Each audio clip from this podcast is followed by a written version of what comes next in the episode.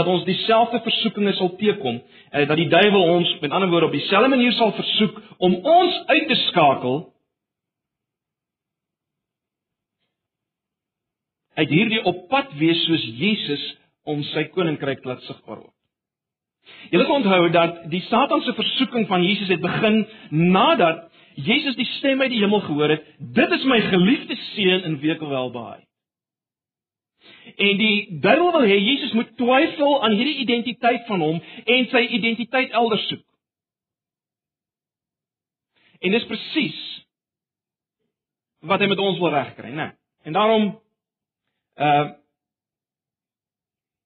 versoek hy ons. Hy wil hê ons moet twyfel aan dit wat Jesus in Johannes 17 vers 23 gesê het, toe hy gesê het die Vader het ons lief met dieselfde liefde as wat hy Jesus liefhet. Die duiwel wil hê ons moet daaraan twyfel uh, en daarom versoek hy ons op op dieselfde wyse as wat hy Jesus versoek het en ons gesien daar's daar's basies drie versoekings. Ehm uh, hy wil hê ons moet ons identiteit vind in dit wat ek doen in dit wat ek doen. Prestasie. Hy wil hê ons moet ons identiteit daarin vind. Of uh hy sê vir ons ek is, jy is wat ander van jou dink. Populariteit. Jy is wat jy besit. Materialisme, besittings. En as ons val vir hierdie versoeking, begin twyfel aan ons identiteit, hoe God oor ons voel, dan word ons uitgeskakel in hierdie gestuur wees soos die Vader Jesus gestuur het, né? Nou daar's nog iets wat ons uitskakel in hierdie gestuur wees soos Jesus. En dit is ons verlede. Dis ons verlede. En ek wil dit waag om te sê dat uh hierdie versoekings van die Satan wat wat ons nou vanaand net weer na verwys het, is juis dikwels geslaag as gevolg van ons verlede. Sê nou eers vanoggend in die eerste plek die vraag beantwoord, maar maak my verlede nog saak? En dan wil ek hê ons moet 'n bietjie prakties na 'n paar voorbeelde kyk van hoe ons verlede 'n invloed het op ons. En dan, maar hoe moet ek my verlede hanteer? So die eerste vraag, maak my verlede nog saak? En ek praat spesifiek met mense wat kinders van God is. Né? Nee. Moet ek as kind van God nog nadink oor my verlede, my sondes, my mislukkinge? Moet ek daarmee rekening hou? Anderswoorde moet ek nadink, moet ek rekening hou? Kyk, elkeen van ons het 'n verlede wat hier sit. Party sin is bietjie meer donker as ander sin. Maar almal van ons is in sonde gebore en het verder sonde bygevoeg. Almal van ons het dinge gesê, gedoen, was deel van dinge waaroor ons skaam. Elkeen van ons.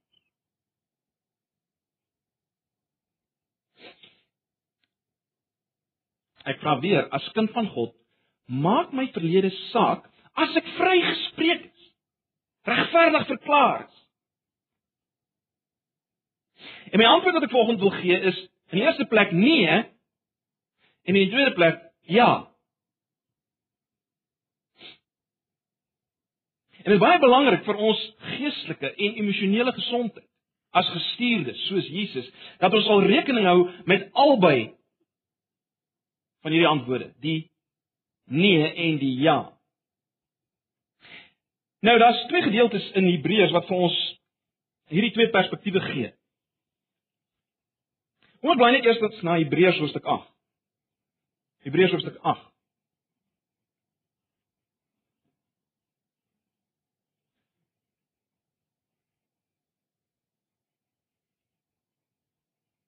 Nou in Hebreërs hoofstuk 8 ehm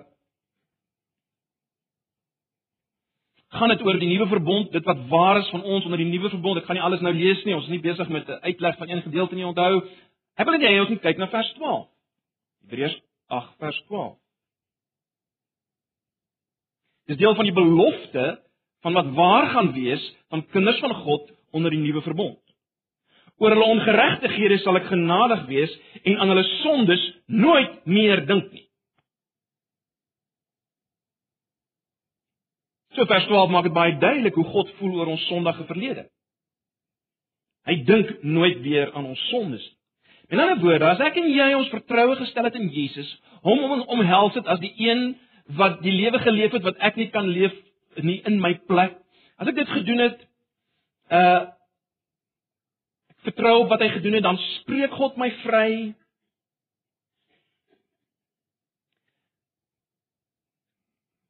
Die aakligste, die gruwelikste dinge, sondes en mislukkings dis vrygespreek ek is vrygespreek daarvan. Ek staan nie meer skuldig daaraan nie. Om die waarheid te sê soos nou gesien het God dink nie eers meer daaraan nie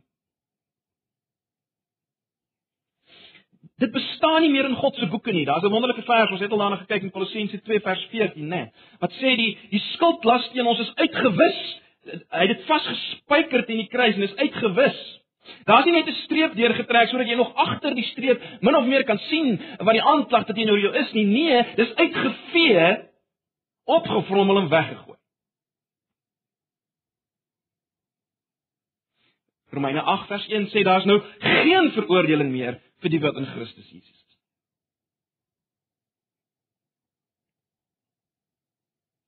Die in Jesus Christus is, dan sien God jou met sy lewe voor hom. Volmaak sondeloos, aanvaarbaar. Ek hoef nie minderwaardig te voel nie. Ek hoef nie skuldig te voel nie. Ek hoef nie te kruip in sy teenwoordigheid nie. Hy sien my in die lig van Christus, sy geregtigheid. Sy lewe in my plek. So. Maak die kind van God se verlede nog saak? Moet ek daaroor top en bekommerd wees? Wel, wat betref ons nuwe status, as ek dit sou kan stel, nuwe posisie voor God, Is die antwoord nee. Nee. Maar nou. Daar is ook 'n ja antwoord wat betref ons verlede. Bly net aan na Hebreërs hoofstuk 12.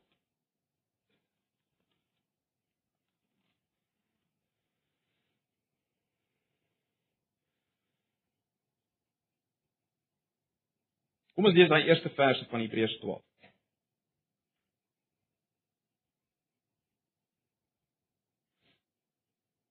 Terwyl ons dan so 'n groot skare geloofsgetuies rondom ons het, laat ons elke las van ons afgooi, ook die sonde wat so maklik verstrik. En laat ons die wedloop wat vir ons voorlê met volharding hardloop, die oog gefestig op Jesus, die begin en volëinder van die geloof. Terwyl van die vreugde wat vir hom in die vooruitsig was, het hy die kruis verduur sonder om vir die skande daarvan terug te deins en hy sit nou aan die regterhand van die troon van God. Hou hom voor oë wat so vyhandige optrede van die sondaars teen hom verdraai dan sal julle nie geestelik moeg word en uitsak. Wat sien ons hier? Ons sien die Christelike lewe word hier as 'n wedloop beskryf, né? Nee, word vergelyk met 'n wedloop. Onthou dit gaan hier oor mense wat reeds vergewe is, vrygespreek is. Maar van hulle word gevra, of die opdrag word aan hulle gegee om elke las af te gooi. En dan oor dat daar's laste wat afgegooi moet word en die sonde wat maklik verstrik op hierdie wedloop of in hierdie wedloop. En dan oor ja, God dink nie eers meer aan ons sonde nie. Hy hou dit nie teen ons nie. Maar in ons elke dag se Christelike lewe is daar sekere oorblyfsels van ons sondige verlede waarmee uh ons moet handel. Ons moet dit afgooi as ons die wedloop wil voltooi. Dis dis dis baie duidelik, is dit? So dit is baie duidelik in hierdie opsig dat ons verlede wel saak maak, né? Nee. Ons moet beslis rekening hou met ons verlede. Wat is die punt wat ek wil maak? Daar is oorblyfsels van ons sondige verlede en daar is gevolge van ons sondige natuur en agtergrond wat nog steeds 'n effek op ons het. En ons moet dit weet as gelowiges, as kinders van die Here en ons moet iets daarmee doen.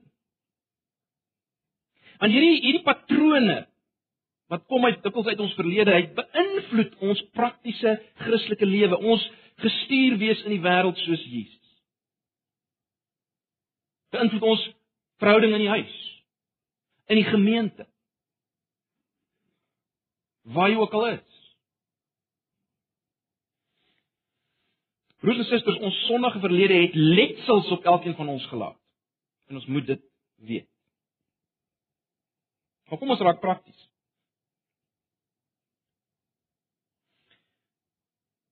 Kom ons raak meer prakties daaroor. Kyk, ons het almal 'n onvolmaakte, sondebevlekte opvoeding gehad. Ja, selfs die van ons wat wonderlike in wonderlike Christenhuise groot geword het. Ons ouers het ernstige foute begaan. Al het hulle dit nie so bedoel nie. Al het hulle dit nie so bedoel nie. Hulle het ernstige foute gemaak wat letsels op ons gelos het. Kom ek Daar baie voorbeelde wat ons kan noem, kom ek probeer 'n paar noem. Miskien het jy selfsugtig groot geword, altyd jou sin gekry, want jou ouers het gedink dit is goed as jy altyd jou sin kry. Nee. Toe word jy Christen. En die Here vergewe al daardie selfsug en al daardie tantrums, wrimelwippe wat jy gegooi het. Hy vergewe dit. Hy vergewe dit. Maar die realiteit is jy dra daardie neigings in jou huwelik in, in jou gesin, in die gemeente waar jy is. En vra hoekom sukkel ons so? Hoekom sukkel ek so in my gesin, in my huwelik? Jy sien, dis hier waar jy moet besef my verlede maak wel saak. En dan moet meer gehandel word. Ek moet dit iewers in die gesig staar. Dalk het jy groot geword met 'n uh, met 'n alkoholispa wat altyd uh, gelieg en bedrieg het. Of ander ongelukkige huislike omstandighede. Dalk is jy altyd uh, afgekraak en verklein neer as kind. Wat is die gevolge nou? Wel, daar's 'n daar's diep gewortelde wantroue teen ander mense. Ja, jy het intussen kind van God geword, maar in jou agterkop is daar steeds wantroue, jy's oorkrities. Of aan die ander kant probeer jy teen alle koste vrede maak, maak nie saak wat nie, want jy's oorsensitief.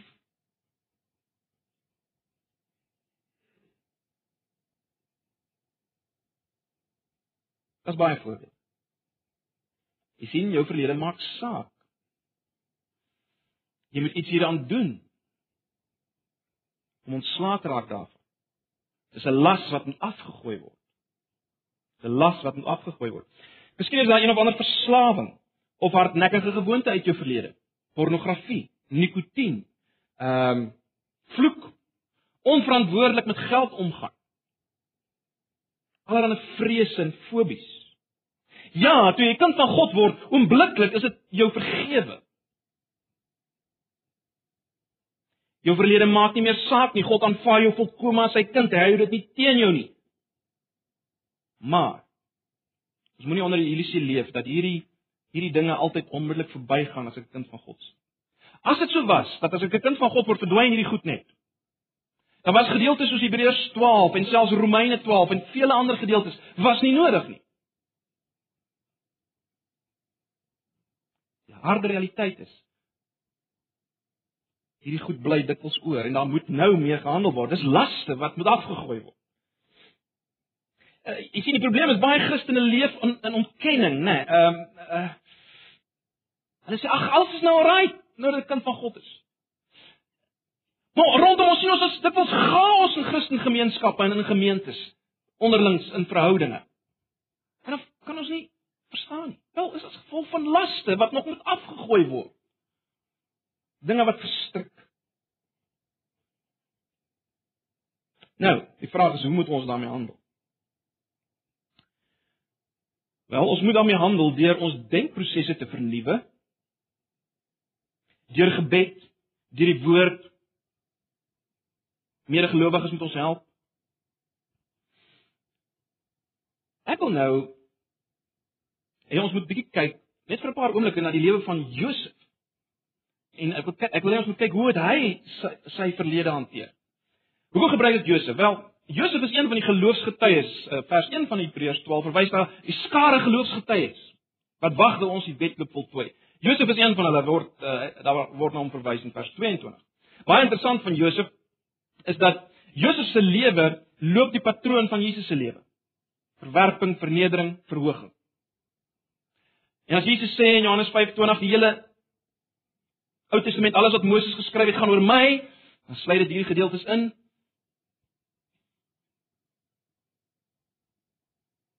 Josef was as te ware 'n tipe van Christus as jy wil. En daarom kan ons verseker kyk na Josef en uh en leer hoe moet ons ontslaa raak van hierdie laste? Hoe moet ons te werk gaan? En dan oor Josef is as te ware vir ons 'n 'n model van van hoe om te handel met die laste van die verlede. Hoe om terug te gaan sodat ek uiteindelik vorentoe kan gaan. Net net 'n vinnige agtergrond, julle julle ken dit. Julle ken die verhaal van Josef. Maar dit is geweldig, eh, omtrent 'n kwart van die boek Genesis word gewy aan Josef se grootword, sy groei na emosionele en geestelike volwassenheid uh, om uiteindelik sy unieke bestemming, let wel, sy unieke bestemming in God uit te leef. Soos in baie families is Josef se familie gekenmerk deur gebrokenheid, hartseer. Jy sal weet. Josef verskyn in Genesis 37 op die ouderdom van 17 jaar. Hy's die 11de seun van 12 en hy's die gunsteling van sy pa. Dit was 'n komplekse gemengde familie. Julle weet dit. Jakob het twee vroue en twee byvroue gehad, al daai kinders onder dieselfde dak. Jy kyk na Josef self, hy was duidelik onvolwasse, arrogant, onbewus van hoe sy drome en visioene visioene uh wat wel van God gekom het. Onbewus daarvan hoe dit sy broers van hom vervreem het. Eterloops Josef se pa, sy oupa en sy oupa grootjie was almal betrokke in halwe waarhede, leuns, uh geheimhouding en jaloesie. Gaan lees maar. Almal ouens in die verbondslyn, hoor. Uitgekoor, uitverkorenes. En, en, en hierdie hierdie patroon bereik sy hoogtepunt hier in Josef en sy familie. En mens kan jou nou net voorstel die impak wat dit gehad het op Josef. En uiteindelik weet ons dat hy sy broers, sy kultuur, uh sy vryheid alles verloor hy al sy hoop in een dag as hy uh, as sy broers hom verkoop uh na Egipte toe. Daar werk hy as 'n slaaf en uiteindelik word hy valslik beskuldig. En uiteindelik as in die tronk is, op 'n stadium lyk dit of haar deur oop gaan as hy die skinker in die bakker se droom uitlê, maar dan word hy weer vergeet. Dan word hy weer vergeet. 10 tot 13 jaar, nê, nee, uh worstel in die tronk. Wat 'n vermorsing op 30 jarige ouderdom lyk sy lewe totaal soos 'n tragedie. As daar iemand is wat moes geleef het met bitterheid dan dan moes dit Josef wees. En tog wat sien ons? En broers en susters, ons sien dat Josef bly getrou aan God. Hy word beskryf as een wat met God wandel. En ons weet van die ongelooflike wat gebeur dat hy feitelik oornag verhoog word tot tweede in bevel van Egipte, tweede magtigste persoon. Egipte was die supermoondheid van daai tyd verloops. En hy het voortgegaan om met die Here te wandel tot die dag van sy dood en hy was 'n seën, let wel, hy was 'n seën gewees vir sy familie, vir Egipte en daardeur vir die hele wêreld. Was hy 'n seën. En broers en susters, dis nou presies wat vir ons as die kerk van die Here uh, gestuur word, is dit nie as Jesus sê soos die Vader my gestuur het, stuur ek julle. Dis waarvoor ons gestuur word. Om die koninkryk laat sigbaar word of as jy dit anders wil stel om 'n seën te wees vir die naby ons en verder tot in die uiterstes van die van die aarde. So het Josef sy verlede hanteer. Ek wil julle met vinnig bly na Genesis 45.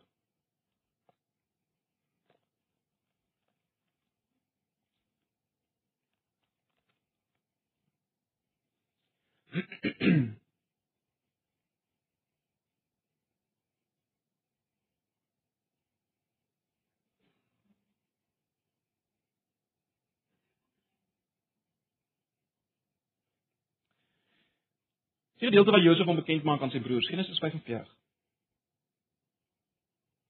Josef vers 1. Josef kon homself nie langer bedwing voor die mense wat hom bedien het nie. Hy het almal beveel om van hom af weg te gaan en daar was van die wat hom gedien het, nie een by hom toe hy hom aan sy broers bekend gemaak het nie. Hy het so hard gehuil dat die Egiptenaars en die mense in die Farao se paleis het gehoor het. Toe sê Josef vir sy broers: "Ek is Josef, leef pa werklik nog?" Die broers kon hom nie antwoord nie, hulle was te bang vir hom. Maar hy het vir hulle gesê: "Kom na my toe." En toe hulle nader kom sê hy: "Ek is julle broer Josef. Julle het my verkoop en ek is Egipte toe gebring, maar julle moenie moet nou nie sleg voel of bang wees nie omdat julle my verkoop het nie, want God het my vir julle uitgestuur om lewens te red. En dan gaan hy so aan, kom ons lees net vers 8. Dit is nie julle wat my hierin gestuur het nie, maar God. Hy het my laat aanstel as die Farao se raadgewer en as bevelhebber oor die huis, 'n vergeerder oor hele Egipte. Skien julle net vanaf blaai na Genesis 50. Genesis 50. Kyk na vers 20.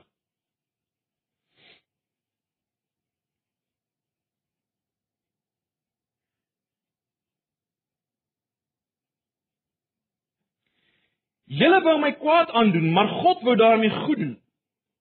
Hy het gesorg dat 'n groot volk nou in die lewe gebly het. Die ou vertaling sê, julle het wel kwaad teen my bedink, maar God het dit ten goeie gedink. Wat is die punt wat ek wil maak? Broers en susters, Josef het 'n diep bewustheid gehad van die grootheid van God. Kom ek stel dit Kom ek brei dit uit. Josef het herhaaldelik die groot liefdevolle hand van God deur al sy pyn en moeilike omstandighede erken. Dis wat ons hier sien, né? Nee. Hierdie gedeelte bevestig vir ons dat God die sondige dade van mense op so 'n mate deur kruis dat hy op geheimsinnige wyse bereik dit wat hy wil bereik. God is die Here God Almagtige wat alle geskiedenis in sy greep het. Dis wat ons hier sien. Ons moet dit hier sien. Hy werk natuurlik op maniere wat grootliks vir ons verborge is, maar hy werk deur die geskiedenis. En dis wat Josef verstaan het. Josef het verstaan dat in alle dinge God aan die werk is, ten spyte van deur En teen alle menslike pogings in, is God besig om sy doelwitte soos 'n orkes bymekaar te bring sodat dit kan speel wat hy wil hê dit moet speel. Dis wat Josef sê. Dis waarmee hy rekening hou. Broers en susters, ek en jy moet dit hoor vanoggend. God verloor nooit iets van ons verlede. Die van die wat die van ons wat aan hom behoort. God verloor nooit iets van ons verlede nie. Elke fout, elke sonde, elke onpad wat ons geloop het, word as te ware deur God gevat en hy gee dit vir ons as geskenke vir 'n lewe van seën. Dis wat hy doen. Dis hoe God werk.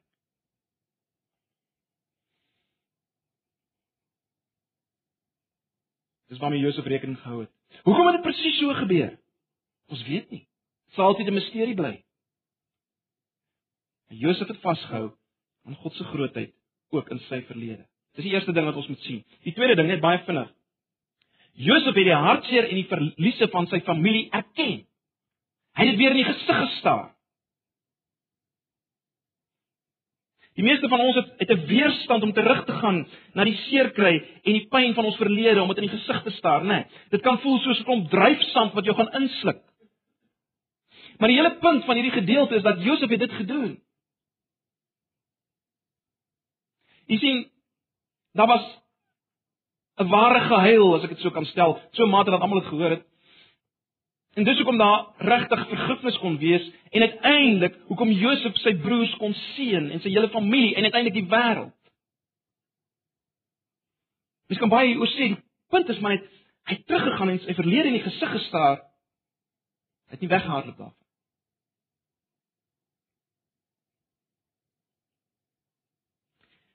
In die in die derde plek, hand aan hand hiermee, Josef het sy lewensverhaal oorgeskryf saam met God. Vir die grootheid van God erken. Hy het hartseer van sy verlede erken en teruggegaan en hy het sy lewensverhaal oorgeskryf saam met God. Wat bedoel ek daarmee? Broers en susters, Josef het baie redes gehad om om homself te sê, ek het nie eintlik die reg om te bestaan nie. My lewe is 'n fout. Ek is waardeloos. Ek behoort nooit weer iemand te vertrou nie. Behoort myself nie goed te laat voel enigstens te laat voel nie. Dis te pynlik. Ek is 'n verloorder. Wat nog als? En tog het hy nie. Tog het hy nie. Hoekom nie? Hoekom nie wel? Broers en susters, ons het dit nou reeds gesien. Hy is bewus daarvan dat God in sy verlede was. God was daar besig. Dis die een ding waaraan hy vasgehou en dan het hy ver vasgehou aan die verbondsbeloftes wat God al aan Abraham gemaak het, naamlik dat hy deur hierdie nageslag 'n seun wil bring vir die wêreld wat uiteindelik weet ons op Jesus uitloop, né? Nee. Hy het daarmee rekening gehou. En hy het direk weer goed bymekaar gesit en gaan daaroor gaan dink. En hy het sy lewensverhaal oorgeskryf saam met God.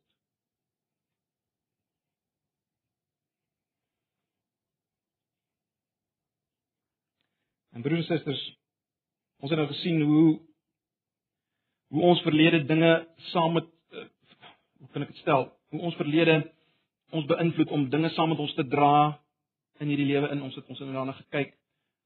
Hoe moet ons ons geskiedenis oorskryf? Wel, ons moet kyk en dink en vat dit wat God vir ons gedoen het in Christus Jesus. En dit waartoe hy ons stuur En dan moet ons ons lewensverhaal oorskryf in die lig daarvan. Ons sien dan dat jou hele lewe en bestaan absolute, absolute sin en betekenis, unieke betekenis wat net jy kan vervul. Net bring my by, by die laaste punt. Josef het met God saamgewerk om 'n seun te wees. Josef het met God saamgewerk om 'n seun te wees. Hy kon sy broers vernietig het met woede en haat in steede daarvan in die lig van dit waarvan hy nou bewus was wanneer ons gekyk het, het hy besluit om hulle te seën. En uiteindelik die wêreld te seën. Nou ek weet vir die wat die van ons vanoggend wat wat diep gewond is soos Josef. Lyk dit nou feitelik onmoontlike pad om te begin seën in plaas van te haat en vroegings te dra, te verwyd. Dit lyk na 'n onmoontlike pad. Maar Josef het hierdie keuse gemaak en en dis die keuse broers en susters wat ons elke dag moet maak. Ons wat gestuur is soos Jesus om sy koninkryk sigbaar te maak. Koninkryk wat bestaan uit regte verhoudings, né? Nee. Dis waartoe ons gestuur word. Ons moet dit sigbaar maak. Dis waarom ons worstel is dit. Ons staan voor die keuse om om heelheid te bring na mense mense wat ons agterdogtig oor is, oorwonder, mense wat ons dalk seer gemaak het. Dis wat ons geroep word. Dis die keuse wat ons elke dag moet maak. Daar's baie vrae waarmee ons sit, né? Nee, as ek as ek begin inbeweeg, is soos Jesus om mense aan te raak, om om hom vir mense te bring, want hy is die groot seën van die nuwe verbond, Jesus self. Nie dinge nie. Hy self. En as ek in beweeg in die wêreld om hom te bring vir mense as seën, dan dan sit ek met vrae: Is God veilig? Is God goed? Kan God vertrou word? As gevolg van my verlede. Hoekom kon Josef in beweeg om te begin seën? Omdat hy God geken het. Hy het in die geheim tyd met God spandeer, broers en susters, ons moet dit nie vergeet nie. Nee. En daarom daarom kon hy dit doen ten spyte van sy verlede. Want hy tyd spandeer met God in die geheim. En die Here het met hom op pad gestap in die geheim sodat hy uiteindelik 'n seun kon wees.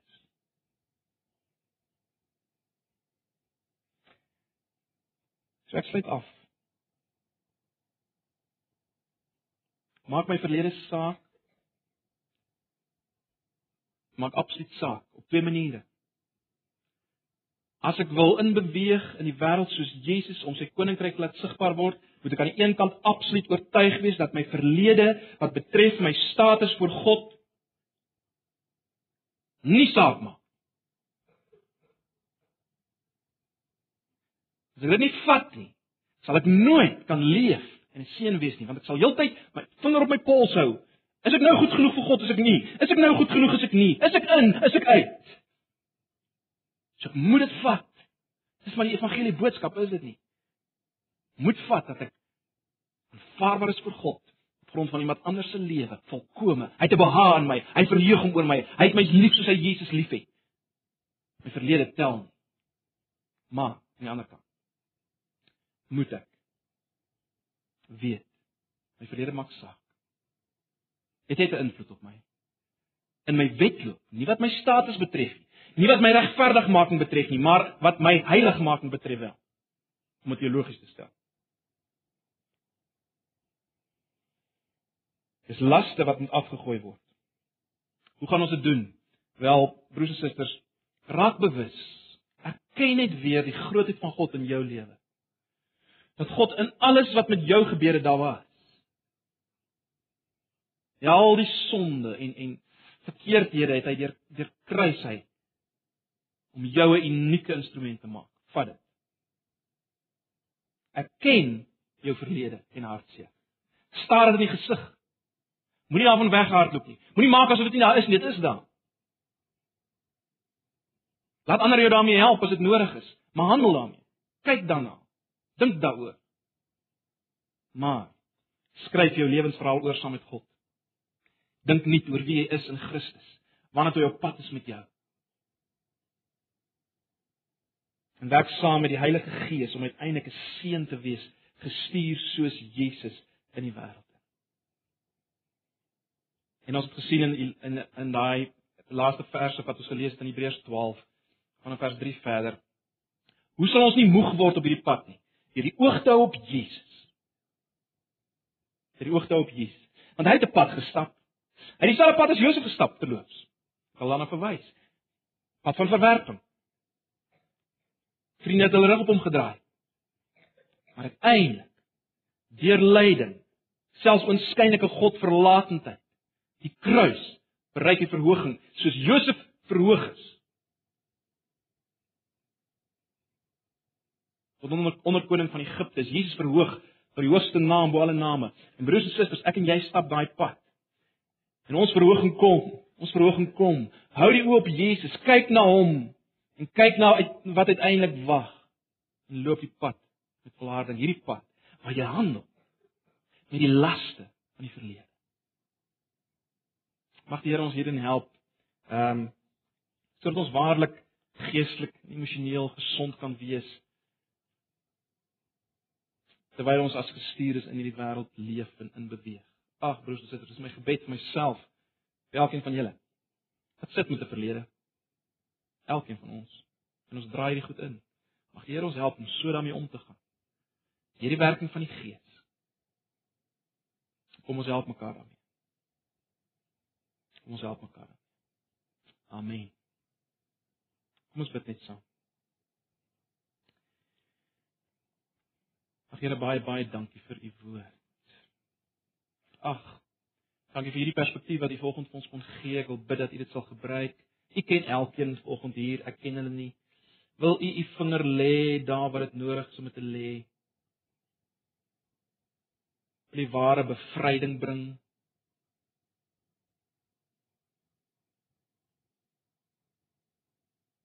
Op hierdie twee vlakke waarna ons gekyk het asseblief. Ek wil weer eens vir u baie baie dankie sê vir dit wat u vir ons gedoen het in Jesus ten spyte van wie ons is, ten spyte van ons verlede. En ons wil pleit deur Jesus, deur die werking van die Gees, wil U ons help om om van elke las ontslae te raak. En elke sonde wat verstrik in ons wetloop.